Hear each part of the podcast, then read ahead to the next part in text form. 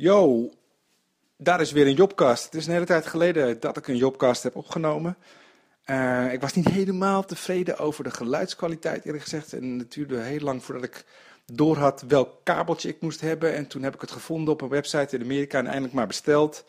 En toen zat er een bromtoon op en toen uh, hebben ze me nieuw opgestuurd. En nou had ik het volgens mij helemaal voor elkaar. En ik zat uh, net naar het interview met mijn gast van deze editie te luisteren. En ik had het idee dat mijn microfoon toch niet helemaal aanstond. Maar het is denk ik toch in ieder geval beter dan de vorige keer qua geluidskwaliteit. Interview is altijd, als altijd, denk ik wel interessant. Mijn gast is uh, Oma Omar, rapper uit uh, Amsterdam-Noord. Uh, bracht dit jaar de single Onkie uit, die ik heel goed vond. En de videoclip vond ik ook heel tof. En daarom heb ik hem opgenomen in mijn programma voor het Nederlands Filmfestival op 28 september in Utrecht, woensdag 28 september, uh, presenteer ik de beste Nederlandse videoclips van 2015 2016. Zeg maar de beste clips uit Nederland sinds het vorige Nederlands Filmfestival. Afgelopen twaalf maanden um, op, het, uh, op het grote scherm, het bioscoopscherm van het Hoogte in Utrecht. Er wordt een hele leuke avond. Sef is mijn gast en Oma Omar is mijn gast. En met z'n drieën gaan wij de oogst doornemen van uh, de Nederlandse videoclips van het afgelopen seizoen. Wordt een hele leuke avond. Kaartverkoop is begonnen. Kijk op filmfestival.nl. Um, naar aanleiding daarvan dus deze podcast. Um, ik hoop jullie daar allemaal te zien. Uh, 28 september, Nederlands Filmfestival, fullscreen. De beste Nederlandse videoclips van 2015, 2016 in de bioscoop. 21 oktober, dat is dus weer een maand later, doe ik een fullscreen in Amsterdam, uh, in de Bali Cinema tijdens het Amsterdam Dance Event. Dan is mijn gast de Nederlandse producer, componist en zanger en clipregisseur Palmbomen. Dat wordt denk ik ook een hele bijzondere avond. Hij maakt altijd hele toffe, bijzondere, weirde videoclips. Palmbomen dus, fullscreen 21 oktober in Amsterdam.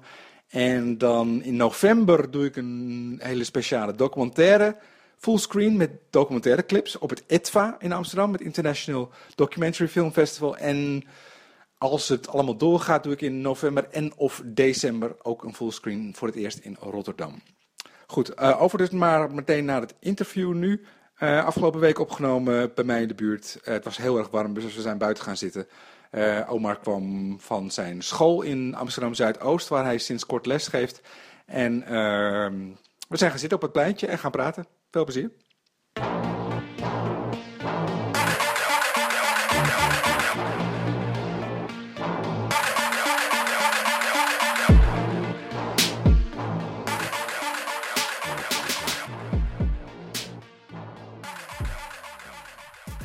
Heb zo'n beetje de warmste dag van het jaar uitgenodigd, uh, uitgezocht uh, om uh, Omar uit te nodigen voor dit interview.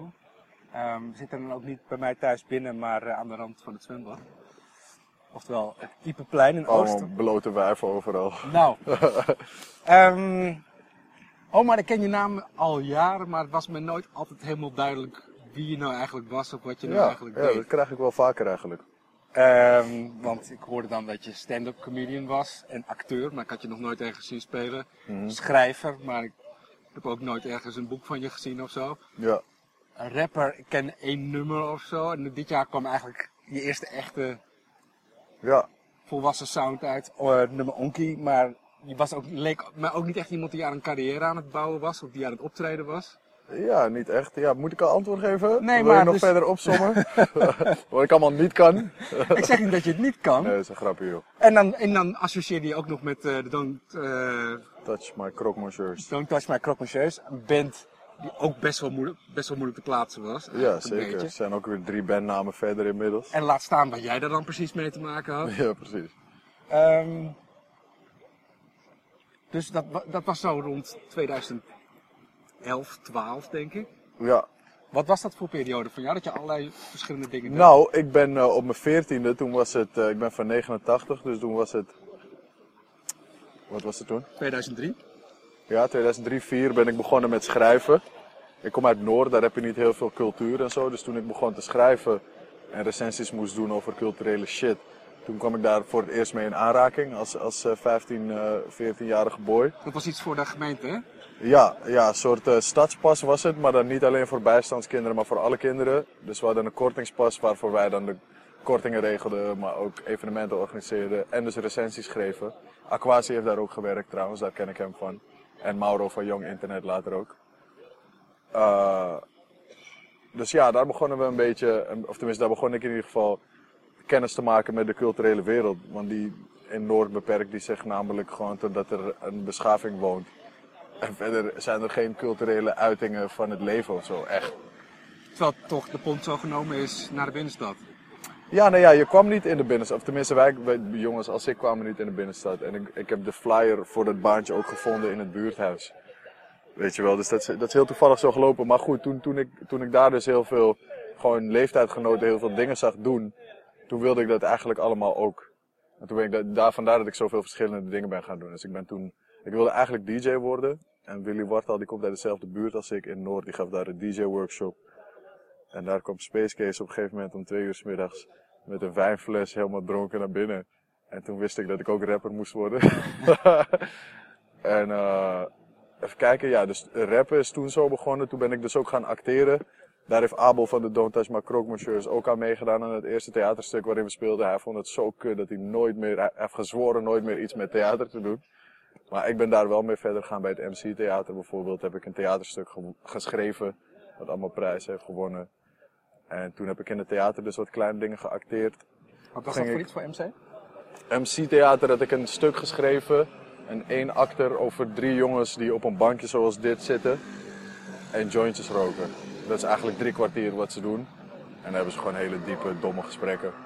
Dom en diep tegelijk. Een beetje een samenvatting van mijn hele stijl. We zijn nauwelijks begonnen of we hebben eigenlijk al een conclusie? Ja, nou ja. eigenlijk wel maar ja, dat, dat, dat is ook iets wat je in al die jaren moet, moet ontwikkelen, toch? Een, uh, een stijl die je in twee zinnen kan omschrijven, zeg maar. Ja, ja. Dat is trouwens ook iets wat je heel erg ziet in de clip van Onki. Maar ja, zeker. Dat is, ik ben blij dat je dat ook ziet als, als, als mijn eerste echte nummer. Want dat, zo voelt het voor mij ook. Dat is het eerste nummer waar ik echt achter sta. Maar uh, even kijken. Nou, toen heb ik dus uh, theater gemaakt. Uh, even kijken, toen ging ik naar Spunk op mijn 16 of 17e. Dat is een landelijke literaire jongerenmagazine. Ja. En daar leerde ik Kees van Nieuwkerk en Teddy Sharim kennen. En die waren toen een film aan het maken, Sterke Verhalen. Daar heb ik toen de soundtrack voor gedaan. En een klein rolletje in geacteerd. En toen begonnen mensen een beetje interesse te tonen. Dus toen kwamen de eerste, naar aanleiding van mijn columns daar op Spunk, kwamen de eerste uitgeverijen kwamen een beetje uh, uh, bij me langs. En toen was je een jaar of 19? Toen was ik ongeveer 18, nee. Dus dit is die periode waar jij het over hebt. Toen was het, uh, die film was 2010. Dus 11, 12 begonnen mensen een beetje te weten wie ik ben. Toen heb ik getekend bij Topnotch in 2011. En toen was het idee dat ik een roman en een album zou maken, of die allebei Oerknal zouden heten. Ja. En het album was vrij snel af, maar die roman ben ik nog steeds mee bezig. Dus eh, we hebben dat toen niet uitgebracht en daar hebben we beide spijt van, zowel Topnotch als ik. Dat dat album niet is eigenlijk. Ja, we hadden dat gewoon moeten loskoppelen. Dan was er in ieder geval een rapcarrière op gang. Want nu, ja, wat je zegt, nu heeft het gewoon eigenlijk uh, ja, op, op wat losse, hele aparte dingen na, heeft het een beetje stilgestaan, het rappen.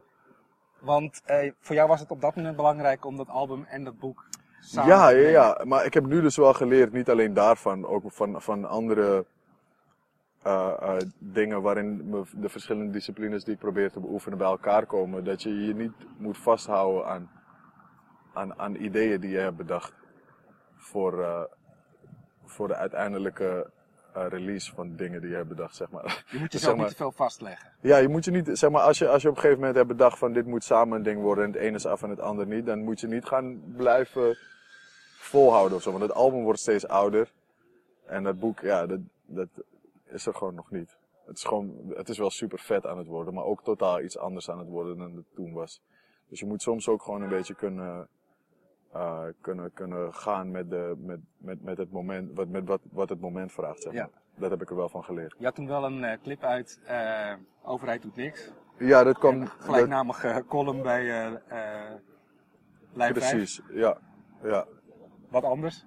Wat anders, ja. De radioshow daar Jiggy J had dat nummer, of die hoorde die titel.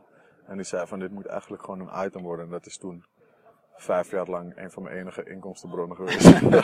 dat is waar ik je eigenlijk voornamelijk van ken. Het was een soort van vage rubriek.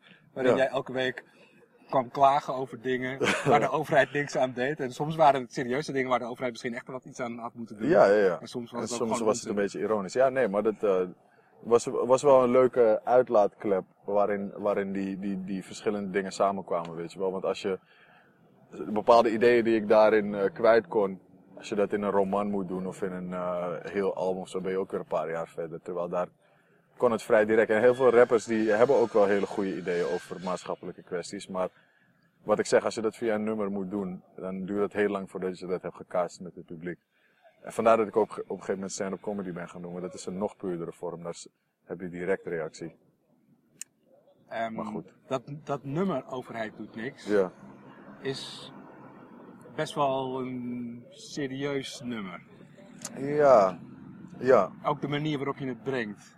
Het is best wel een serieus nummer nog voordat ik de skills had om dat echt goed te, te, te dus niet verwoorden, ja verwoorden is één, maar ook er een goed rapnummer over te maken, zeg maar. Dat zijn twee verschillende dingen. Ja, dat zijn zeker twee verschillen. Ik had er misschien wel goede, goede columns over kunnen schrijven of zo, over die onderwerpen. Of ik had goede rapnummers kunnen maken die bepaalde delen ervan torsen of zo. Maar om, om iets zo veel omvattends in één nummer te pakken, dat is te ambitieus eigenlijk. In ieder geval voor op dat moment, voor de rap skills die ik toen had. Ik ben nu alweer eh, vijf, zes jaar verder, dus nu. Dus bijvoorbeeld Onky is eigenlijk qua strekking precies hetzelfde nummer wat mij betreft. Maar het klinkt totaal anders. Ja, het is gewoon... Jij klinkt ook heel anders. Precies, het is gewoon. eh, ja, ik, heb, ik heb beter geleerd hoe ik de omstandigheden creëer om, om een goed product te maken, zeg maar. En dat is iets wat je alleen met ervaring kan doen. Zijn dat Tenzij- externe dingen? Of? Eh, ja, nee, zowel extern als intern. Dus eh, je moet inderdaad wel met de juiste mensen in de juiste vibe zitten in de studio. Eh, maar je moet ook wel met je hoofd op een goede plek zitten. Want ik schrijf het liefst in de studio zelf wanneer ik rap maak. En dat gaat gewoon niet als je die week niet, niet eh, weet ik veel, eh, elke dag tot één uur hebt geslapen en heel veel joints hebt gerookt. Bij wijze van spreken. Niettemin, je hebt toen dus schijnbaar een heel album opgenomen. Wat niet is uitgebracht. Misschien Ja. of twee nummers. Ja, niks is daarvan uitgebracht. Heel zonde. Lil Kleine zijn allereerste nummer ooit stond daarop. Bijvoorbeeld. Maar zou, zou dat wel een plaats zijn waar je nu alsnog trots op zou kunnen zijn? Of denk je nu van ik ben nu zoveel verder? Oh, het zou, het zou super tenenkrommend zijn geweest. Maar het, het is wel voor, voor op dat moment was het wel, was het wel echt eh, de top van mijn kunnen. En het was wel, het was niet slecht. Nee. Het was niet slecht, dat zeker niet. Maar het was gewoon heel erg op dat thema van de roman geschreven. Dus het voelde toen voor mij een beetje raar en een beetje, eh, eh, ja, een beetje te persoonlijk ook of zo. Was het een conceptalbum? Met... Ja, ja, ja, het hoorde dus echt bij, bij de verhaal van, van de roman. Bij het verhaal van de roman. Zoals de roman er toen voor stond. Zoals de roman er toen voor stond, dat is een goede toevoeging voor jou inderdaad. Want die is inmiddels ook eh, eh, eh, substantieel veranderd. Want ik, het was een semi-autobiografisch verhaal. Ja, dat is het nog steeds. Maar de, de componenten ervan, dus de, de plotmomenten, zijn wat realistischer geworden. En het is gewoon qua, uh, ja, hoe zeg je dat? Qua, qua de, de, de skills die je moet hebben. Dus de echte skills, gewoon dat je weet wat een, uh, hoe je een thema in een verhaal verwerkt met motieven en weet ik veel. Whatever. Gewoon echt de technische dingen heb ik ook uh, nadien pas geleerd. Dus ik ben ergens wel blij dat het nog moet uitkomen. Je bent gewoon een keer opnieuw begonnen. Hoor ik dat goed? Of heb je dingen Ja, nee, ik, ik, heb hem een ik heb hem een paar keer ingeleverd. En ik heb hem steeds teruggekregen met, eh, met, met, met hele harde kritiek. En uh, daar kon ik niet altijd even goed mee omgaan, dus dan duurde het weer heel lang. Maar pas in laatste instantie, dus twee jaar geleden, ben ik een opleiding Nederlands gaan doen. En toen kreeg ik echt voor het eerst de theoriebas. De, de proza-analyse vakken en zo. Toen dacht ik ineens van wauw, je kan, je kan ook echt gewoon... Uh, je kan gewoon hele handige trucjes gebruiken voor al die dingen die ik zelf gewoon de hele tijd op persoonlijkheid probeer te spelen. Ja. Um, want nog los van de techniek van het schrijven, als, het semi, als, als je zelf min of meer het hoofdpersonage bent, je moet reflecteren op je eigen leven. Dat, ja, ja. dat is moeilijk genoeg als je 26 bent, zoals nu. Precies. Maar als je 20 of 21 bent, ja. is dat bijna niet te doen. Precies. En ik ging ook nog op een gegeven moment proberen extra extravagant te leven, zodat ik uh, leukere dingen te vertellen had in mijn boek en zo. Het was een heel raar soort meta, je ging jezelf meta verhaal werd. Ja, precies. Voor het boek. Precies. Dus dat was heel raar. Maar dat heb ik er nu ook weer in verwerkt. Dus het is een soort meta-meta verhaal geworden. En deze keer eh, gaat het wel echt uitkomen. Het gaat sowieso gaat het, gaat het uitkomen. Desnoods want ik, over eh, vijf jaar. Ja, nee, maar het is, ik bedoel, ik ben begonnen daar met, met, met schrijven, weet je wel. Dus het gaat sowieso gaat er ooit een boek komen. En ik kan me niet voorstellen dat ik dan zes, zeven jaar aan werk ga laten om opnieuw te beginnen. Dat zou nergens op slaan. Dus het gaat sowieso uitkomen. Wanneer weet ik niet. Dat het goed wordt, kan ik je wel beloven. De hardwerkende Nederlander. Wie is dat eigenlijk? Wie bedoelt u? Dat is de eh, vuilnisman die ervoor zorgt dat uw mijn straat schoon blijft. Oké, oké, oké, ik ben sterfelijk. Ik wist het wel, ik wist het, maar ik wilde het bevestigen. Stop de beste jonko in mijn menselijke hersenen. Luister naar de inheemse pokoe met de westerse. De minister-president is een waardeloze vent. In de buurt, in de struggle, is de hossel inherent. Kom geen drugs verkopen, want ik werd te vaak herkend. Joodse meid, ik vraag haar of ze Israël erkent. In dat nummer eh, ehm, In Onki? Overheid doet niks. Oh, overheid. doet Sinds speel je ook een paar keer op eh, een criminele carrière. Ja. Was dat iets wat je ooit, wat echt serieus een optie was? Of was dat meer Nee, gewoon ja, voor dat is stoere- altijd wel een optie, maar het is, eh, het is nooit heel ver van me af geweest. Maar ik ben wel altijd heel bewust er niet in meegegaan. Ik heb wel eens wat kattenkwaadachtige shit gedaan. Maar eh, daar ben ik wel altijd heel bewust, eh, heb, heb ik daar afstand van gehouden. Het was wel altijd in de buurt. Sowieso in de, in, de, in de buurt waar ik vandaan kom en in mijn vriendengroepen. Maar ik heb dus heel veel oudere broers. Ik ben de jongste van, eh, vijf, van zes jongens. Ja, ik ben de ene oudste van vijf jongens. Ja, jij, jij kent het dan, dat, dat, dat, dat heel veel al soort van gedaan is of zo. Als je jongste broers is, die zal je niet snel betrappen op dezelfde fouten die de oudste hebben gemaakt, denk ik. Als het goed is niet. Ja. Dus dat. Maar als je dat in zo'n nummer zijdelings naar verwijst, is dat een soort van, eh, hoe moet ik het zeggen, Eh, erkenning van waar je vandaan komt, meer dan een soort van intentie? Ah, ja, nou ja, ik benader het alsnog altijd wel als een fictief ding, rappen. Ah, het, het hoeft niet altijd per se heel letterlijk te zijn wat ik meemaak. Ja, dat is interessant dat je dat zegt, want heel veel mensen zijn geneigd om dingen, meer dan van rappers dan van zangers, Ja, ja, precies. Het letterlijk te nemen. Hè? Precies. Maar rappers hebben Dat vind ik, vind ik een, eh, ja, nou ja, dat, Aan de ene kant eh, gaan rappers er natuurlijk vaak prat op dat ze eh, het leven op de straat vertegenwoordigen. En dat, is, dat er nog een bepaald authentiek gehalte in zit. Dat Ja. moet ook. Aan de andere kant willen ze ook vrij zijn om te kunnen zeggen wat ze willen. En dat het niet Ja, nou ja, mijn favoriete rappers. Tupac. doen. Ja, Eh, nee, ja, Tupac bijvoorbeeld, die heeft ook heel veel fictieve nummers die echt sommige van zijn be- betere nummers zijn. En als je naar zijn verleden kijkt, zal hij vast wel eens iets crimineels hebben gedaan. Maar hij zat ook gewoon op de kunstschool en was heel bewust van heel veel dingen. Weet je, hij had een moeder die een crackjunk was. Ik kan me ook voorstellen dat je dan ook een ander verantwoordelijkheidsbesef hebt dan de meeste jongens die op straat leven de hele tijd.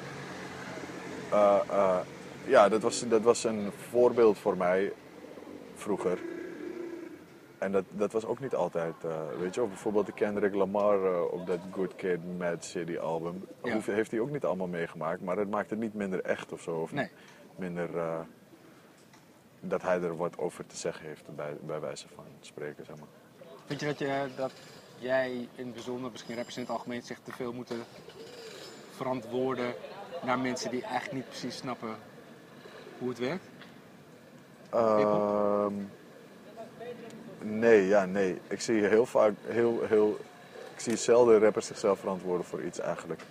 Ik lees ook nooit interviews met rappers. Heel verstandig. Nee, maar ja, ik eh, bedoel, het is ook niet erg om je te hoeven te verantwoorden voor iets. Het is vandaag trouwens precies 20 jaar geleden De dat Tupac dood overleed. ging, hè? Ja. Wauw, vet lang geleden. Ehm, Ik verbaas me altijd over dat soort shit. Bijvoorbeeld, eh, Bob Marley die was ook al in 79 of zo dood, toch? Ja, Zoiets. 89. Of 81, zoiets. En die is ook nog steeds elke dag relevant. Luister jij op je zesde al naar rap? Ja, Toen, toen Tupac doodging, weet je dat nog? ja, ja, ja, ja zeker. Ja, ik heb oudere broers. Ja. En daar zat ik dan bij in de auto en zo. Maar die luisterde dus ook Biggie. En dat, dat begreep ik in het begin nog niet. Hoe Dat is veel meer eh, lyrical. Ja, het is gewoon. Je, je luistert daar met een ander oor naar of zo. Dan een kind naar shit luistert. Die, die, die kijkt gewoon naar het imago en naar hoe, hoe het klinkt of zo. Of hoe, hoe, hoe gemeend het klinkt als het ware. Dus als kind luister je nog niet van, oh, dit is een, dit is een mooi Als je überhaupt kunstwerk of zo. Engels verstaat.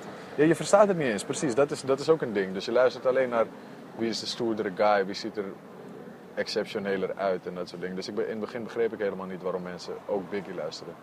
Dus dat vind ik wel vet van mijn broers. Dat zij dat wel deden al. Want je hebt heel veel mensen uit de ghetto die gewoon helemaal geen Biggie willen luisteren. In die tijd. Je zat eh, twee weken geleden was je op tv bij de Wereldradio. Ja, ja, om ja. over Tupac en Biggie te praten. Klopt. Vond ik heel leuk. Maar ik had net zo goed, want ik moest dan Big, eh, Tupac verdedigen, maar ik had net zo goed Biggie kunnen verdedigen, want ik vind ze allebei echt eh, geweldig. Ik kan me wel meer identificeren met Tupac.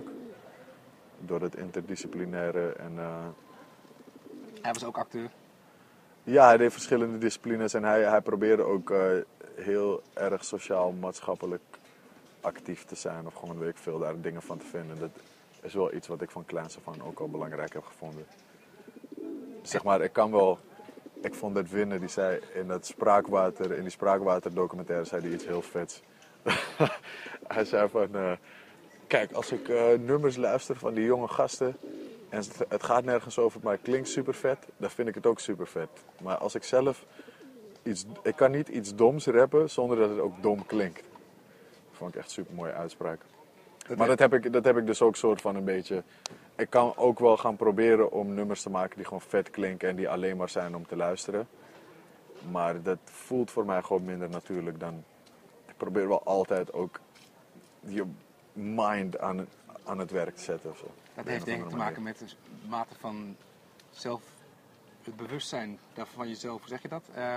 Ja, bewustzijn van je, van je privilege. als, je daarover, als je daar niet over nadenkt en je maakt gewoon domme feestnummers die supergoed zijn Mm. en je bent daar helemaal niet mee bezig, Ja, dan is dat geen enkel belemmering om domme feestnummers te maken. precies. Ja, dat zou me heerlijk lijken.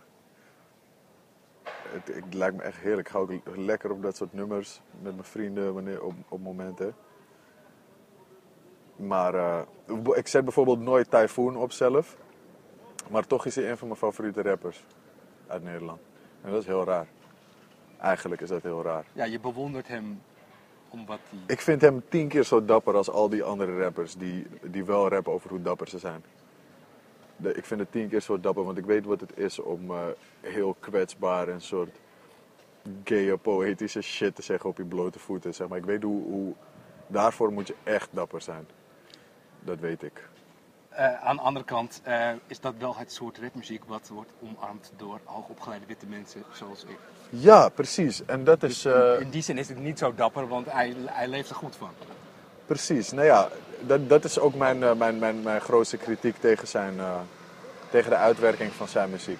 En daarom probeer ik zelf eigenlijk de Black Man's Typhoon te worden.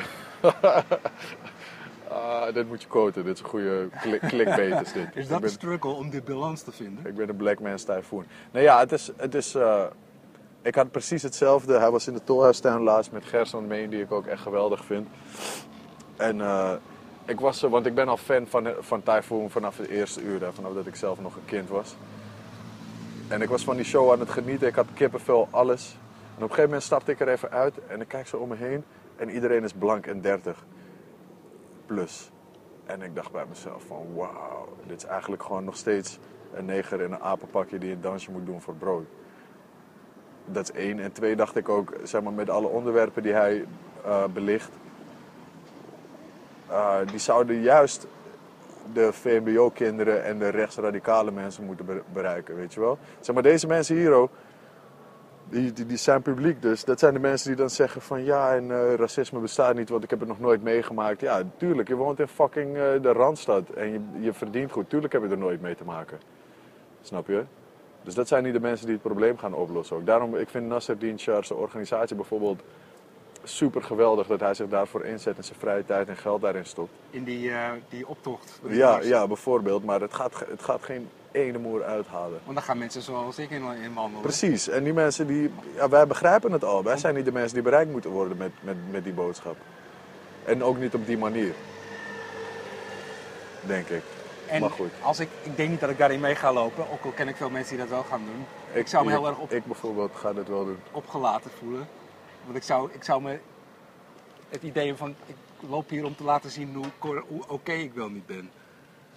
Ja, Ja, Snap je dat? dat, ja, ja, ja ik, ik snap dat heel goed. Ik snap het heel goed. Want ik ben, ik, het is ook niet mijn ding eigenlijk. Maar het is gewoon wel om alsnog die solidariteit te tonen met, met de cause. Ja, waarom misschien ik het doe ik wel, wel, Ja, precies.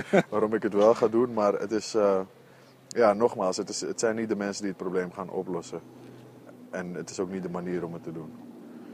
Weet je, het zijn nog steeds gewoon allemaal oude manieren. Net zoals dat politiek ook gewoon een achterhaald paradigma is. Dat gaat ook gewoon niet werken. We gaan de jongeren nooit aan het stemmen krijgen. Maar Pas als dat zou gebeuren, zou het echt een democratisch geheel stel zijn. dat nou de kids bij jou in de klas wel naar Typhoon luisteren. Wat gaat dat voor zoden aan de dijk zetten? Nou ja, wat gaat dat voor soda aan de dijk zetten? Dan heb je wel gewoon, als dat op grote schaal gebeurt in alle klassen, op alle VMBO-scholen in, eh, in Nederland, dan heb je wel een generatie die over eh, tien jaar ook weer gewoon, eh, weet je, over tien jaar zijn zij diezelfde guy als ik die aan het begin van zijn carrière staat en moet kijken wat ga ik doen. En die gaan het ook weer bij heel veel mensen doen. Eh, Het laat in ieder geval zien dat er, dat er meerdere mogelijkheden zijn in het leven. Ja, dat is één. En twee is het ook, eh, weet je, het, het, het zijn wel de mensen waarover het gaat, zeg maar. En die mensen zijn nooit aan het woord. En dat vind ik zo kut. Dus zeg maar, je hebt de mensen, de hele radicale mensen en dan heb je de mensen in het midden. Maar daartussen zitten nog heel veel mensen. Dus je hebt radicaal aan de ene kant, radicaal aan de andere kant en heel veel mensen in het midden. En de, die uiterste twee hebben een probleem met elkaar en de mensen in het midden vinden alles prima. Maar er zijn tussen die twee zijn er heel veel gematigde mensen. En daar gaat het eigenlijk over. Want die hoor je nooit. Die stemmen niet. Die gaan niet mee naar de optocht. En die maken geen kunst. Of whatever. Dus die hoor je gewoon helemaal niet. Maar het zijn wel de mensen die, die alle resultaten van die gesprekken ondergaan. Gewoon on a daily basis. Ja.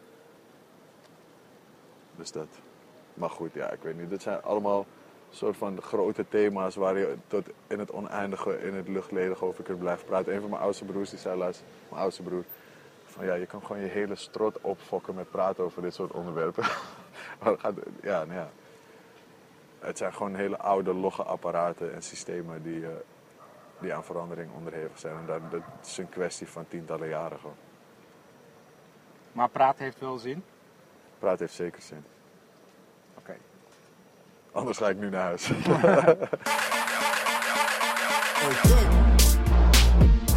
Opgekomen op die droge brede en water.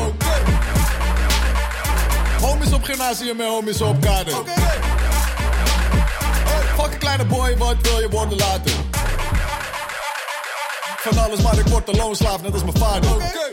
Dat je nou lesgeeft op een VMBO, is dat omdat je gewoon Nederlands bent gaan sturen omdat je betere schrijver wil worden? Of heeft dat, heeft dat ook, heeft ook je maatschappelijke betrokkenheid? zit Ja, het brengt die twee dingen een beetje samen. Dus het is, eh, ene ligt in, in het verlengde van alle andere dingen die, ik- die ik doe, die ook met taal, die taal als beginsel hebben.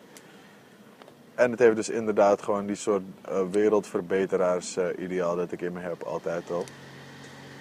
Dat kan je wel echt één op één doen. Je kan wel één op één mensen hun leven veranderen daarmee. Snap je? Je, je hoeft niet te wachten totdat mensen jouw shit lezen of het aan de man proberen te brengen. Je kan gewoon heel direct tegen iemand praten. Zeggen van, hé, hey, jij bent goed in hula hoepen. Misschien moet je een eh, workshop volgen na school. Bij wijze van spreken. En jij geeft nog maar sinds kort les, hè? Of- Ja, ik ben dit jaar Dus het drie, weken, drie begonnen. weken begonnen. Ja. Ja, hoe bevalt het tot nu toe? Is het anders? Je Het hebt is stage leukste, shit die ik ooit heb gedaan. Ja, Ja? het is tien keer zo anders als met stage lopen. Want ik liep stage op een ateneumschool en ik zit nu op een VMBO-school in de Bijlmer met 90% eh, kinderen met, met fucked up thuissituaties en dat soort dingen. Er werd vandaag dus ge- gevochten in mijn klas bijvoorbeeld. Eh, sommige leerlingen zitten in de gevangenis, sommigen hebben geen ouders. Dat soort dingen. Dus het is wel heel anders dan, eh, dan veel andere scholen. Maar het is wel de leukste shit die ik ooit heb gedaan. Want zeg maar, in, voordat ik begon in de voorbereidende weken, heb heel veel gesprekken over die kinderen. En hier moet je oppassen voor oppassen bij die. En deze bij elkaar zijn dat en bla bla. En ik had echt eh, een soort idee dat ik, dat, dat ik eh, in het diepe gegooid zou worden met allemaal terroristenkinderen. Maar bij mij werken ze echt super hard en ze vinden het vet leuk dat ze me dan ook op tv zien of ook mijn clip Ik wou net zeggen. kunnen checken bij mentoruren en zo, weet ik veel. Dus Hoe oud zijn je leerlingen? de tweede klas, dus 13, 14 jaar. En ze weten allemaal dat je ook oma Omar bent. Ja, ja, ja. Eén één jongetje die mijn laatste clip zien van zijn vrienden, die hadden twee keer zoveel views als ik. dat lijkt me wel grappig. grappig verhaal voor over tien jaar als hij met zijn vrienden zit. Van, wow, weet je nog toen we bij kan leraar zaten die minder je- views had dan wij. Als je 12, 13, 14 jaar bent en je hebt zoveel succesvolle rappers in Nederland tegenwoordig. Ja, En bij het, idee- bij het woord rapper denken ze aan iemand die echt niet op een middelbare school ook nog eens een baantje heeft. precies. Ze denken dat jij in een grote auto rijdt en eh, een groot huis woont. Ik heb dus, eh, precies, En dat wat is doet dus hij, ook wat zo. doet deze kerel bij ons op school? Ja, maar dat is, dat is ook goed om ze te laten zien dat dat niet zo is. Maar Ja. ik, ik had dus bijvoorbeeld eh, met mijn optreden in De Wereld Draait Door heb ik ook gewoon gebruikt. Want dat wilden ze heel graag zien. En dan doe, doe ik het in de les en dan passeer ik het elke keer bij dat er een moeilijk woord was. Want we hadden ook in een hoofdstuk behandeld wat je moet doen wanneer je mo- moeilijke woorden tegenkomt in de tekst. En dat is ook gewoon super leuk, want dan ben je, ja, nou ja, je kan dus gebruik maken van wat je buiten school doet. Om die kinderen ja, zowel iets te leren. Dus je leert iets zonder dat ze echt doorhebben dat ze iets leren. Ze denken dat ze gewoon aan het kijken zijn naar je tv-optreden. En dat vind ik, ja, ik vind dat gewoon geweldig. Ik wou dat ik er eerder mee begonnen was, want het is echt heel leuk werk. Heb je het gevoel dat je een soort eh, moreel overwicht hebt over die kinderen die, an- die andere, dat andere docenten niet hebben, omdat je rapper bent en jonger bent en eruit ziet zoals je eruit ziet? Ja, tot nu toe wel. Tot nu toe zeker wel, want ik, eh, wanneer, eh, weet ik veel, wanneer ze iets zeggen uit een raptekst of zo, dan ken ik dat ook. Of eh, weet je wel, dus ze kunnen me heel moeilijk, ze kunnen heel moeilijk met iets komen wat ik, wat ik niet ken. Dat doen ze wel trouwens. Ik weet vandaag dat het woord voor spang, dus zeg maar mooi, dat het nu derm is. Dat weet ik sinds vandaag. Oké. dat is nu derm. Sommige dingen moet ik wel een beetje bij aanpoten. Waar komt dat vandaan? Derm? Geen idee, dat is gewoon het nieuwe woord. Ik vroeg vandaag aan de meisje van ja, waar, waar is dat van afgeleid? Ze zei, ja, is gewoon van de straatmeester. ik oké. Ja. Dus eh, nee, ja, maar dat, ja, het werkt nu wel heel erg in mijn voordeel. Ik weet niet of dat eh, voor altijd, voor de lange termijn ook zo is. En wat voor. Je hebt, eh, je hebt Nederlands gestudeerd en daarna nog een Ja. vervolgopleiding om, om voor een lesbevoegd Nee, nee, ik heb een Nederlands docent gestudeerd aan de HBO. Ah, Oké, ja, ja. Ja. En, eh, en je bent dan deze zomer of dit voorjaar afgestudeerd? Nee, ik ben nog aan het doorleren, dus ik ga één dag naar school ook. Ah, oké. Ja. Is het op de lange termijn wel je ambitie om als rapper of als schrijver of als misschien iets anders, om daarvan te kunnen leven? Ja, zeker. Nou ja, nou ja, zeker. Het eh, zou natuurlijk heel leuk zijn, maar het een sluit het ander niet uit, dat is één. Vooral niet als zulk leuk werk blijft. En twee is dat ik wel heb geleerd van die jaren als eh, artiest. Dat dat niet, ja, het is gewoon niet een zeker bestaan zoals je heel vaak eh, hoort. Niettemin zit het wel heel erg in de lift natuurlijk, rap in Nederland de laatste Rappen wel, Ja. nee, maar rappen is nog het minst zekere van alle dingen die ik doe. Omdat, weet je, het is gewoon om de zoveel jaar is het compleet anders. En het verschil is dat het publiek blijft altijd even jong.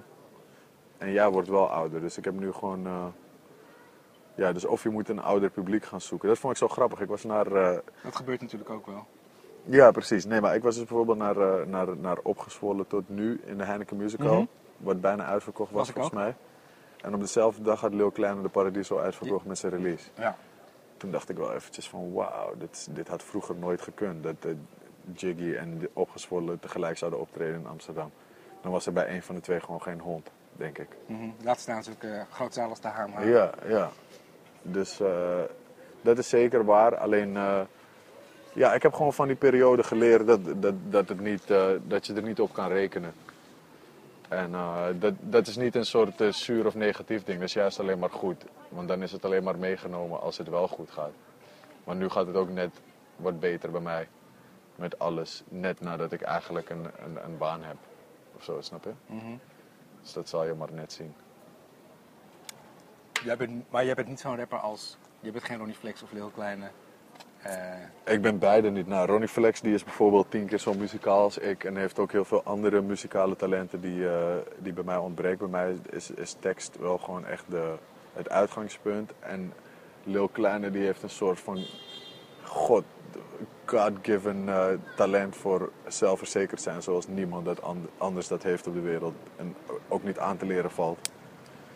Dus die hebben allebei wel kwaliteiten waar ik... ja, nou ja, je hebt- voor- je hebt zeg vooral maar- voor het publiek. Het, voor, voor, voor het core, core eh, publiek van, van hip-hop. Zullen zij altijd gewoon mijlenver op mij voorlopen. Maar ja, zij kunnen weer niet op. Sorry dat ik je onderbreek. zij kunnen weer niet op een nummer met Typhoon zo uit de verf komen als ik dat misschien zou kunnen. Ik heb het idee dat jij overal een beetje buiten valt. Je hebt aan de ene kant eh, zeg maar de New Wave generatie die heel veel succes heeft. En, en broederliefde ook. Ja. Ehm, en heel hoog in de hitparade staat. Eh Stefan Alias nu ook. Die heeft zich daarbij gevoegd. Ja. Verder heb je de 101 Bars rappers. Met Ja. echt miljoenen views. Mensen waar heel, die helemaal niet zo bekend zijn in de mainstream, maar die toch heel populair zijn. Straatrappers uit eh, Roosendaal, of uit Rotterdam, of uit eh, Muiden. Ja. Dat ben je ook niet. Nee. En dan heb je, nou ja, de, de Zolle-generatie, die nog steeds, en Typhoon en eh, Stix, die doen het ook nog steeds heel goed. Ja. Die wel wat ouder zijn en ook een wat ouder publiek hebben gevonden. Daarbij hoor je ook niet bij.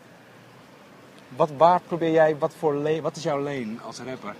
Ah, ik probeer nu eh, heel erg me te focussen op het publiek van eh, de soort 18, 19-jarige skaters die jointjes roken en spijbelen. Zoals Young Internet en Smip dat ook hebben. En even kijken wat een ander goed voorbeeld is. Finesse landen vind ik ook echt super vet. Dus echt de... Ja, in Amerika zouden het misschien de, de Mac Millers en zo zijn en de Odd Futures. Dat publiek een beetje. Het is gewoon de, de slimme stoners. Ja. Laten we het even over de Onkie hebben, dat nummer. En Ja. de videoclip ook. Ja, Het is een beetje een soort van beginselverklaring van dit ben ik. Het nummer is ook naar jezelf vernoemd. ja, Eh, je staat in een clip als een soort, eh, als in een Turkse slager ergens. ja. En je rookt jonko in de auto met een Marokkaanse vlag. Maar je maakt ook weer grapjes over, eh, praten over de geopolitieke situatie op een date. En, Dat zijn geen grapjes hoor. Dat doe ik echt op dates. Het, het is hyperrealiteit, Job. het is echt super, super echt. Het is zo echt dat het nep lijkt. en de Joodse meisjes die je vraagt hoe ze denkt over de... Ja, dat vraag ik ook altijd wel. Als ik, als ik met een Joods buisje ben, vraag ik altijd wel wat, hoe, hoe Joods ben je dan? Net zoals mensen bij mij dan vragen van... eh, oh, maar je bent islamitisch opgevoed. Je- geloof je dan ook? En dan zeg ik altijd ja. Hé, hey, kleine vriend. Komt er een klein jongetje met voetbal naar ons toe. Eh, ja, dat vind ik wel interessant gewoon. Ook omdat de Joden zijn zo mystiek en zo stiekem over hun Joodschap altijd. Dus dat vind ik altijd wel interessant om naar te vragen. Het zijn gewoon hele echte dingen. Dus eh, wat ik net zeg, het eerste nummer waarin ik echt, echt... En daar, daar echt, echt ben met het publiek. En daarvoor heb je eerst gewoon... Moet je jezelf echt eerst heel goed leren kennen. Dus ik ben wel blij dat ik een tijdje even stil heb gestaan. Ook omdat, zeg maar, in 2010 ongeveer, dus net na die soundtrack en zo, toen kwam ik een beetje op TMF. En eh, toen zat er eigenlijk een beetje momentum waar ik had moeten doorpakken. Ja. Ehm, toen, eh, ik ben eigenlijk wel blij dat het toen niet zo goed is gegaan. Omdat ik heb toen en een beetje dat succes geproefd, maar ook weer gezien hoe mensen dan je net zo hard willen laten vallen wanneer het niet goed is. En dat is, dat is goed om mee te maken als een jonge jongen. Ik denk dat veel van die new wave jongens die nu 21, 20 zijn, dat het voor hen helemaal niet zo goed is om zo succesvol te zijn op zo'n jonge leeftijd. Of althans dat ze, dat ze pas echt over 4, 5 jaar zullen begrijpen wat het, wie ze echt zijn of zo. Dus eh, Niet dat we het misgunnen. nee, ja, absoluut niet. Nee, ik, ik ben fan, ik ben groot fan man. Maar goed, nog even over dat nummer Onkie. Ja. je, je positioneert jezelf daar een beetje zeg maar, als een jongen van de straat, maar die ook eh mens wel hersens. Zo positioneer ik me niet. Zo, ik, ik, ik ben op dat nummer gewoon compleet eerlijk over alles. En ik ben van jonge leeftijd al ben ik heel erg bezig geweest met wereldpolitiek, met sociaal-maatschappelijke kwesties, met, eh, met politiek. Dat vind ik gewoon heel interessant. Daar heb ik het met mijn vrienden ook over. Ook met meisjes heb ik het daarover. En daar heb ik het over op dat nummer. En ehm, ja, eigenlijk is dat, dat hele nummer ook voor de, voor, vanaf de buitenkant. Neem even nog een drankje. Ja, ja, doe dat. Eh, is het ook gewoon een inkijk in het hoofd van iemand die zich eh, moet worstelen tussen die westerse en oosterse wereld. Weet je, er zit heel veel van die struggle in. Er zit ook twee soort brugjes in die wat minder letterlijk zijn en wat meer poëtisch zijn. En die gaan over, eh, ja, heel erg over existentiële crisis en zo. En over, eh, ja, dus ik, in de laatste zin refereer ik naar Poetin ook omdat hij in zijn eentje eigenlijk tegenover het Westen staat. En hier, omdat wij hier in het Westen zijn opgegroeid. En eh, weet ik veel, post, eh, post-Koude Oorlog hebben we heel erg een beeld van hem en willen we hem altijd heel graag afschilderen als slecht. Terwijl, stel dat je daar was opgegroeid en je wist niet beter, dan misschien was het, misschien was het Westen dan wel net zo slecht als dat wij hem vinden. Ik denk dat ik bedoel? ongetwijfeld heel veel mensen in Rusland dat denken. Ja. Ja, nee, maar natuurlijk. Het is, het is ook zeg maar, als je zo'n groot land als hij runt, kan je ook niet tegen iedereen goed zijn. Snap je wel? Eh, dat neemt niet weg dat hij wel hele verschrikkelijke dingen heeft gedaan. Nee, maar daar moet je aan toevoegen in onze, naar, naar onze maatstaven. Dat moet, is wel een belangrijke toevoeging, want ja, misschien vinden ze homo's daar wel helemaal niet chill. misschien is dat daar wel gewoon, bij, bij wijze van spreken. Want het zijn wel echt die, En je zal het maar wezen. Ja, nee, maar kijk, kijk, homo's is één ding waar, waar- waarover hij heel kut is. Hij is heel territoriaal, dus dat die, die, die hele Krim-ding en dat niet eh, willen toegeven aan westerse inmenging in zijn regio's.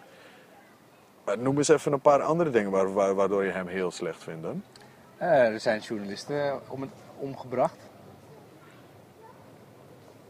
Ja, maar ja. Er is niet echt eh, vrijheid van demonstratie of protest. Er is een hele Ja, maar ja, kijk, je moet, ook wel, je moet ook wel beseffen waarom ik de hele tijd zeg van het is onze westerse manier om ernaar te kijken. Dat de hele westerse civilization is opgebouwd op eh, eh, eh, principes waarin, je, waarin reden voeren heel belangrijk is en wanneer, waarin we overal over kunnen praten. Zowel in, de, in onze staatsvormen als in, zo- in onze opvoeding en in onze dit en dat. Maar het is in andere delen van de wereld eh, misschien wel heel anders. Ik weet het niet, hè, want ik, ik woon daar niet en ik ken hem niet. Weet je, dus ik weet het ook niet. Maar het is wel heel zelfingenomen om te denken dat wij het allemaal maar beter weten. En eigenlijk doe je dan, vind, vind ik dezelfde denkfout maak je dan als, als waar je die mensen van beticht. Ja, dat ben ik niet met je eens. Ik vind dat wij hier in ieder geval een veel vrijere uitwisseling van ideeën hebben. Ik vind vrij sowieso een abstract begrip. Ik vind vrij een abstract begrip. En ik vind, mijn punt daarmee is, want ik keur dat niet goed en dit niet af. Mijn punt ermee is dat, eh, dat we niet moeten denken dat er geen alternatief is voor de westerse manier om naar dingen te kijken. Dat is, dat is mijn, hele, mijn hele punt. Want zij noemen bijvoorbeeld. En dat is Rusland... waarom jij je identificeert met Poetin. Nee, helemaal niet. Ik noem Poetin in de, in, de laatste nummer, in de laatste zin van het nummer, omdat het nummer heel erg gaat over hoe ik me heel alleen tegenover het Westen voel, als het ware. daarom, daarom zei ik dat. Maar eh, eh, eh, wat ik wou zeggen. Ja, wij weten het ook allemaal niet zo, eh, zo goed. Oké, oké, oké, het is vergankelijk. Ik wist het wel, ik wist het, maar ik wilde niet gaan janken, toch? Beter word ik snel minder financieel afhankelijk. Dan kan ik naar mijn eigen koude land op kankeren. Die VN-lui, het is allemaal gespuis. Koude Jonker heeft me in een paranoia bui. Ben gelovig, maar toch zit ik aan de zuip. Conformistisch, maar ik heb een Che Guevara trui. Hey! Smoken, smoken hele tijd. Onkel, ik ben all about de positiviteit. Ben de halve kamer kwijt. Veel te diepe takjes voor de ruimte en de tijd.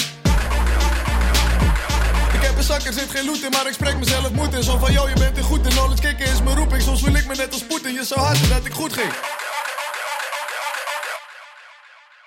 Had twee weken geleden, vorige week, had je een, interview in de Volkskrant Ja. met, eh hoe heet je ook weer, die schrijver?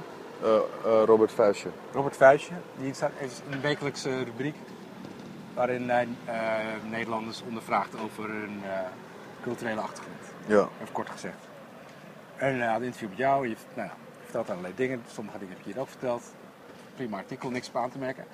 En toen stond afgelopen zaterdag een ingezonden brief Mhm. in de Volkskrant. Ja, en super dom ook. Best wel prominent afgedrukt. Ja, dat vond ik, dat vond ik nog het grootste probleem Van eraan. iemand die zich heel kwaad maakte, of in ieder geval heel erg opwond.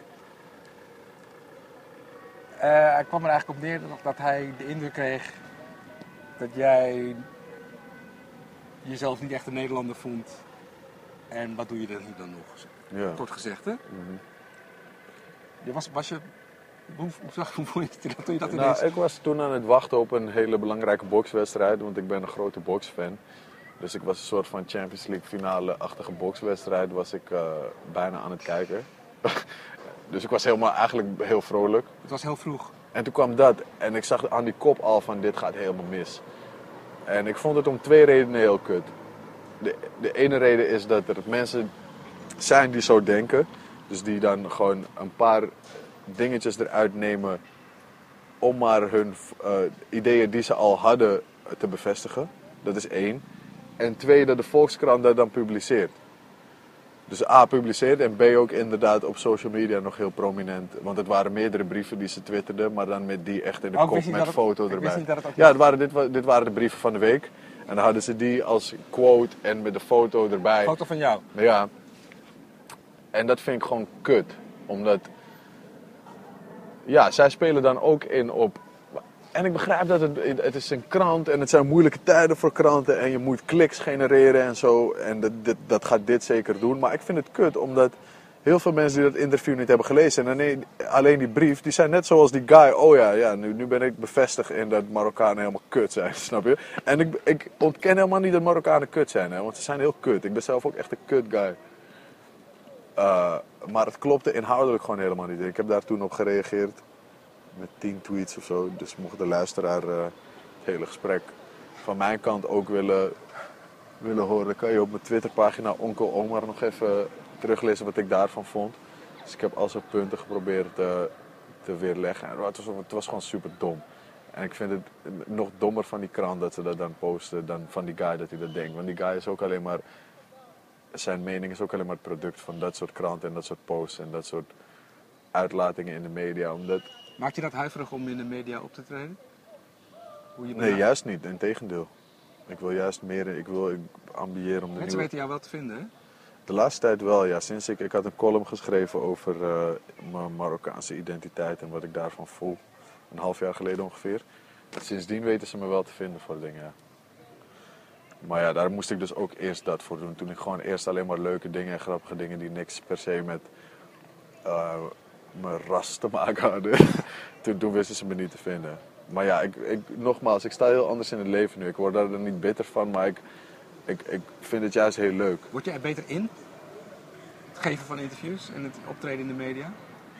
Ik lijkt me, nou ja, het lijkt mij er... doodeng om bij uh, De Wereld Uit Door tv te Ja, dat zijn. had ik dus helemaal niet. Maar ik word er beter in uh, niet doordat ik het vaker doe, maar doordat ik mezelf gewoon beter begrijp. En als jij op een gegeven moment van jezelf weet, van je kan me niks vragen waar ik niet het antwoord op weet, dan kan je overal zonder zenuwen zitten. Denk ik. Ik was hier ook bij, bij jou gewoon zonder iets voor te bereiden, omdat ik weet van ja, ik heb het dagelijks over, over deze dingen, weet je. En dat is mijn probleem hoor. Ik had laatst bijvoorbeeld een tijdje geleden, uh, had Pauw, ik ken een meisje dat bij, op de Pauw-redactie werkte, en zij waren bezig met een item over islamofobie. En toen zei ze, belde ze mij gewoon bij wijze van oriëntatie van heb jij niet iets wat je, wat je over dat thema wil zeggen? Toen zei ik nou, ik vind dus bijvoorbeeld, het gaat altijd over probleem, jeugd en Marokkaan en dit. Maar ze zijn eigenlijk nooit zelf aan het woord. Terwijl sommige van mijn beste vrienden zijn best wel eloquente gasten. Misschien wel foute gasten volgens uh, de normale weg van dat je een school moet volgen en een, en een baan moet krijgen. Maar er zijn best wel eloquente, slimme gasten die hele interessante ideeën over de maatschappij hebben. Dus zei ze, oké, ja, dan neem je gewoon twee, drie van de jongens mee en dan mogen jullie je kant van het verhaal doen. Toen ging ik dus vrienden zoeken. Ook een van mijn beste vrienden. Super slimme guy, echt tien keer zo slim als ik. Gewoon ook nog met, met een soort logische kant en zo. Zoals ik die helemaal niet heb. Daarom ben ik artiest ook. Mijn logica kl klopt niet. uh, uh, ja, dus zei ik tegen hem van, joh, dan gaan we daar, want we, als, altijd als we jointjes roken, praat je toch mijn oren van mijn hoofd met die shit. Mhm. Mm -hmm. Gaan we daar gewoon zitten voor 2 miljoen kijkers en dan, weet je, misschien haalt het wel wat uit. Ze zeiden, uh, nee, maar ik wil niet herkenbaar in beeld en dit en dat, bla bla. Toen ze niet doorgaan, toen hebben ze het item geskipt. En toen was deze week uh, dus die, die, die hoedvlogs gasten uit Zaandam en toen dacht ik, ja, kanker. Toen was ik zo boos geworden op die vriend van me dat ik hem echt uh, wel in elkaar kon slaan. In plaats van jullie zaten tien... Ja, nee, maar als, als, als wij daar al hadden gezeten en we hadden ons verhaal gedaan, dan was het niet erg. Dan kan je andere mensen ook, kan je dat soort mensen ook aan het woord laten. En dat maakt niet uit, dan weten mensen in ieder geval van ja, maar paar weken geleden waren er een paar guys. Ja. die, ik, die wel gewoon zinnen konden maken, zeg maar. En uh, ja, dat maakt me soms wel boos, man. Gewoon dat... Maar nogmaals, het zijn gewoon wel die media's. Zullen we een bankje opschuiven voor de hitte? ja, is goed. De, de, media weten dan wel gewoon dat soort domme shit te vinden altijd. Omdat het, omdat het maar die tweets gaat genereren. Terwijl ze doen niet even die extra moeite om... Uh... En ik, had er nog, ik was er zo boos over dat ik Nasreddin Char dus heb gecontact en gezegd van... joh, moeten we daar niet gaan zitten om te laten zien van... Uh... Ik veel, dus Nos neem een paar vloggers mee. Je hebt een paar vloggers die echt super vette shit doen voor kinderen en voor... Die ook gewoon van een migrantenachtergrond zijn. En toen zei die van... Nee, dat wil ik niet. om verschillende redenen, maar een van zijn leukste redenen om na te vertellen vond ik dat hij zei van ja, ik wil daar ook niet gaan zitten. Ik wil daar zitten om mijn verdiensten en niet om, om, om eh, oh en er zijn ook goeie, snap je? Ja. En dat vond ik wel mooi. Dus ik heb hem wel gelijk gegeven uiteindelijk, maar ik, ik kan daar wel heel boos om worden. Omdat, ja, nou ja, ja wat ik net zeg is, is, ze weten wel altijd dingen te vinden die bevestigen wat er toch al wel gedacht wordt. En daarom is politiek ook zo'n dom, dom ding eigenlijk. Het is eigenlijk heel dom. Het is, op, op papier is democratie wel heel erg eh, eh, waterdicht, maar dat is het in de uitwerking natuurlijk helemaal niet. Net zoals dat eh, communisme ook gewoon, als je het leest, is het best wel chill. maar ja, probeer, het, moet het, maar uit te voeren. het moet door mensen gedaan worden. Ja. En Mensen zijn niet altijd even snel. Mensen zijn gewoon corrupt. Laten we tot slot nog even over de muziek hebben.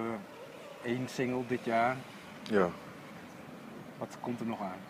De tweede videoclip is, is net eh, opgeleverd gisteren. Dus die komt ook eh, binnen afzienbare tijd. En dan komt er een EP, als het goed is, in oktober. Dat is mijn eerste debuut-EP. Ik heb iets van vier EP's klaar liggen, dus we moeten even kiezen welke. Er is één eh, variant waarbij er heel veel verschillende producers zijn. En waarbij er heel veel verschillende thema's zijn. Dat is wel heel vet. Heel vet is het op zich wel. En er is een ander ding en dat is gewoon met één producer en op één thema, namelijk dat ik een Persische prins ben. Ah, en welk producer? En Zijn naam is Dick Zak, hij is 19 jaar oud en hij is een geniaal wonderkind. Ehm, die ik heb ontdekt via Abel, via Twitter. Oké. En eh, dat album is geniaal. Dus ik, eh, weet je, het wo- het wordt nog even kiezen wat. Maar er komt sowieso een debuut aan binnen een maandje ongeveer. En eh, daar ben ik wel heel blij mee. Want ja, nu kan ik het gewoon. Wat Nu- kan je nu wat je eerst niet kon? Ik begrijp mezelf gewoon veel beter, snap je? Dus vroeger had ik, had ik niet een, een, een cd kunnen maken met als samenhang, samenhangende factor mijzelf. Omdat ik mijzelf nog niet echt begreep.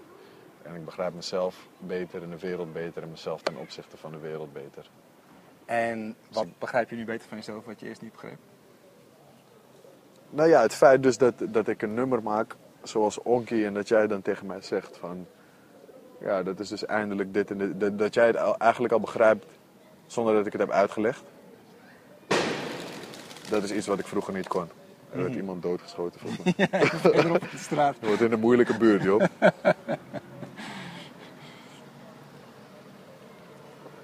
Ja, dus ik, ik, ik, ik kan beter mijn eh, kijk op de wereld vertalen naar een eindproduct.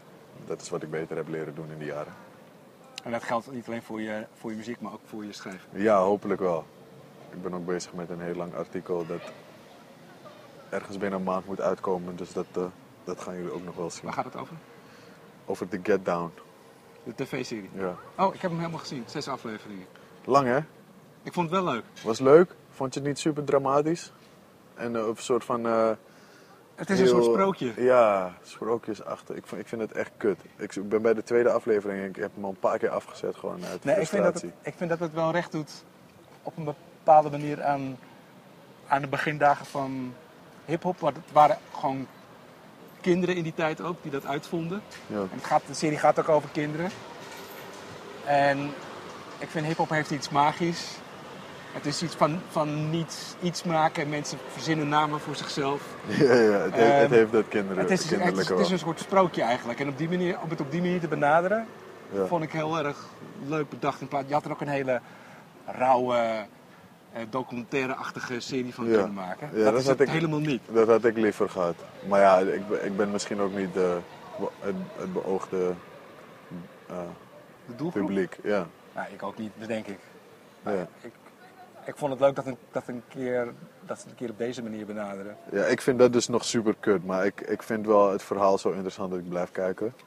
En ik moet er dus 1500 woorden lang stuk over schrijven. Moet je toch even die andere afleveringen ook zien. Ja, jongen, ik heb er geen tijd voor. Ik, heb, eh, ik ben het helemaal niet gewend om zo weinig tijd te hebben voor dingen. Vroeger had ik dat binnen twee sessies gekeken, 9 uur. Dat, die tijd heb ik nu gewoon niet meer. uur. Dat is 9 uur toch? Zes, Zes- zes afleveringen. Oh, die eerste aflevering is de pilot, die is anderhalf uur. Oh, ik dacht dat ze allemaal zo lang waren. Nee, nee, nee, ben je gek. Oké, Oké, en goed, als je dat gedaan hebt, moet je naar Atlanta kijken. wat is dat? Dat is een nieuwe serie. Vorige week zijn de eerste twee afleveringen uitgezonden van eh Waarover? Donald Glover. Hij is ook bekend als Childish Gambino. Ja, ik weet wie het is. Hij heeft die serie ontwikkeld, hij speelt ook de hoofdrol. Het gaat over eh, twee neven in Atlanta. Eentje is rapper en de ander wil zijn manager worden. Die gespeeld, gespeeld door eh, Donald Glover. Mhm. En het is, het is grappig, het is af en toe een beetje wrang. Wat Het vet dat hij het zelf heeft deed me een ontwikkeld. beetje aan Louis C.K. denken in de zin van dat het niet heel erg hard op de lach speelt. Maar dat het wel grappig is en dat het ook serieus is. En het is heel mooi gefilmd. Het is ge- geregisseerd door eh, Hiro Murai. Regisseur die ook clips voor Flying Lotus en Massive Attack heeft gemaakt. Dus het ziet er ook heel tof uit. Vet. En de afleveringen zijn maar 25 minuten. Wauw, ja, dit klinkt stuk. ideaal. klinkt te gek. Oké, tof. Ja, ga ik zeker doen dan. Nou, deze is nog een beetje moeilijk doorheen te komen, maar ik, eh, ja, ik hou gewoon van super echte dingen eigenlijk. Ik ben best wel een saaie guy wat dat betreft. Ik hou gewoon van hele echte, echte dingen. Ik kan ook geen eh, reality tv kijken omdat het niet echt is. ik kan dat gewoon niet. Scripted reality, ik vind het sowieso een rare contradictie. Maar de raps die je schrijft is eigenlijk toch ook een soort van scripted reality. Dat is ook, er zitten echte elementen in die je boetseert en... Ja, dat is, het, dat is het op zich ook wel. Alleen het is, het is, het is gewoon uiteindelijk is, eh, is lyriek is gewoon fic- fictie. Toch? Ja, Ja. En eh, ja, het enige wat het, wat het echt maakt is dat ik zelf als uitgangspunt ben. Maar dat, ik weet ook niet of ik dat voor altijd vasthoud. Ik bedoel, Nee. ik heb ook... eh, maar een tv-serie mag dat niet. Nou ja, zeker wel. Alleen ik, ik, ik hou gewoon smaakwise meer van, van dingen die echt ruw en echt bijvoorbeeld The Wire of zo. Ik heb nog nooit zo'n serie gezien. Nee, het is gewoon dat echt alsof je, daar, alsof je daar bent gewoon, Ja. snap je? En daar hou ik van. Gewoon. Dus dat. Ik kan ook niet eh, gamen bijvoorbeeld, kan ik niet. Maar ik kan wel schaken tegen iemand. Snap je? Dus het, het moet gewoon heel echt zijn. Oké. Omar, Ja, keep it real. dankjewel. Bedankt. Ja, bedankt. En eh, ik zie je op 28 september eh, in Utrecht. Oh ja, leuk, gezellig.